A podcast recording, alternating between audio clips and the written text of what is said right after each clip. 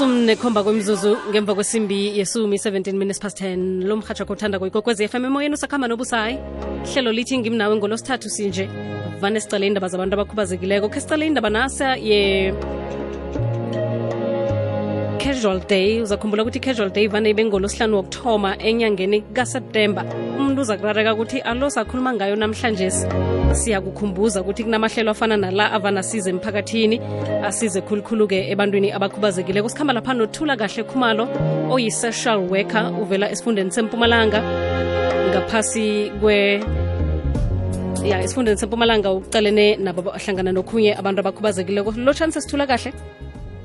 Ngibingelele msakazi ngibonge nakubalaleli. Lo khulumayo thula kahle khumalo from mpumalanga association of person disabilities nangambala mama um njengoba ngitshela umlaleli ukuthi i-casual day into esijayele ukuthi sikhulumise ngabo-september alo namhlanje si yini engakangaka othanda kuyithula emphakathini ngayo engifuna ukukuthula kubalaleli nasemphakathini wonke jikelele sifuna kubonga kakhulu isupport yalo nyaka lodlulile wa-2019 njengoba sonke sazi sibalaleli nomphakathi ukuthi i-casual day yasungulwa ukusiza abantu abakhubazekileyo yenzeka minyaka yonke enyangeni yaseptemba inyoni evikini lokuqala ngolwesihlanu. Kulo nyaka odlulile 2019 siqokelele ngokuthengisa izitika ezingu 299 1480 iprovince yasempumalanga. Mm. nezinhlangano zonke zabantu abakhubazekileyo okay. Okuyinto ekhombisa ukukhula namkhana ukwehla okuyinto ekhombisa kwehla isupport asiyitholi kahle. Uma siqhathanisa kule minye iminyaka edlulile ibe ncane kakhulu kulo nyaka lodlulile wa-2019 mm. but siyabonga-ke isupport esiyitholile. Yona ibukeka incane kakhulu kodwa-ke izozama ukuthi abantu abakhubazekileyo la esikhona khona kuncedisa sikhone kubancedisa. Njengoba sisho nje ukuthi iy'dingo zabantu abakhubazekileyo ziningi kakhulu ngeke sikhone ukuziqeda. But sicela bonke abalaleli bomphakathi wonke ukuthi basincedise kubambisana sikhone kusiza abantu abakhubazekileyo ngey'dingo zabo zonke. Nangambala ngiba ukuthi sibuye ngemva kwentolo mama sokuragela phambili nekulumo yethu ye-casual day ukuthi umuntu asize njani njengoba atsho nje udadewethu uthula uh, kahle ukuthi uba wayisizo lomphakathi ngalo ihlelo le-casual day elisiza abantu abakhubazekileko. Siyabuya. Iba masumi amabili nembili imzuzu ngemva kwesimbi yesumi nanye 22 minutes past 11 leyikwekwezi past 10 hmm.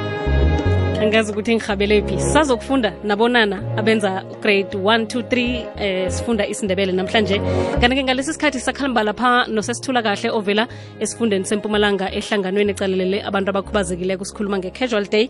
Bowubawile mama ukuthi abantu basize eh, ukwenzela ukuthi nani nikwazi ukusiza abantu abakhubazekileko. Umuntu usiza njani nge-casual day esingakucela kubalaleli bonke ukuthi bacukelele leti mali njengoba sihlala sikhuluma enyangeni yenyoni useptemba ukuthi bachubeke baside kulo mnyaka kakhulu. Isidingo siyasibona sabantu labakhubazekile.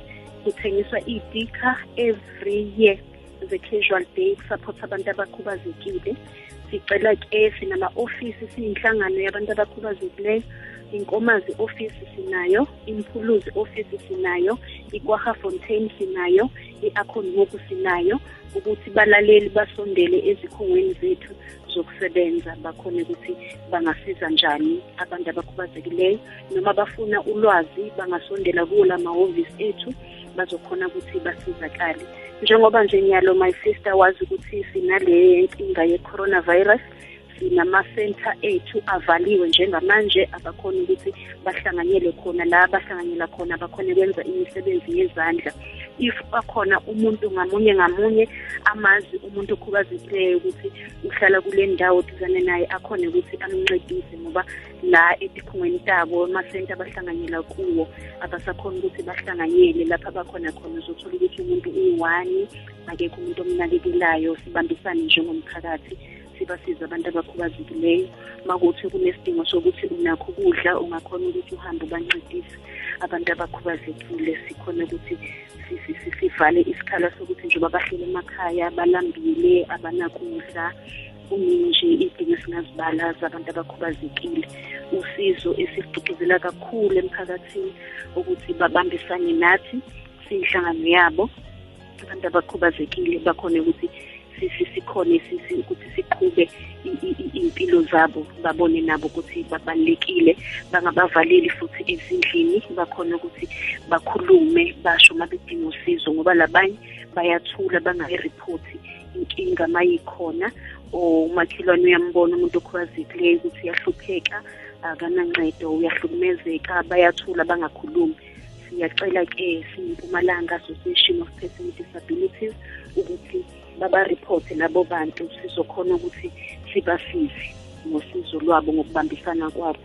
Okay mama sibawa egcineni usiphe inomboro lapho abantu bazonithinda khona nange bafuna ukusiza um ngendlela ezokwazi ukuthi isizo lakhona lifinyelele ebantwini abafaneleko.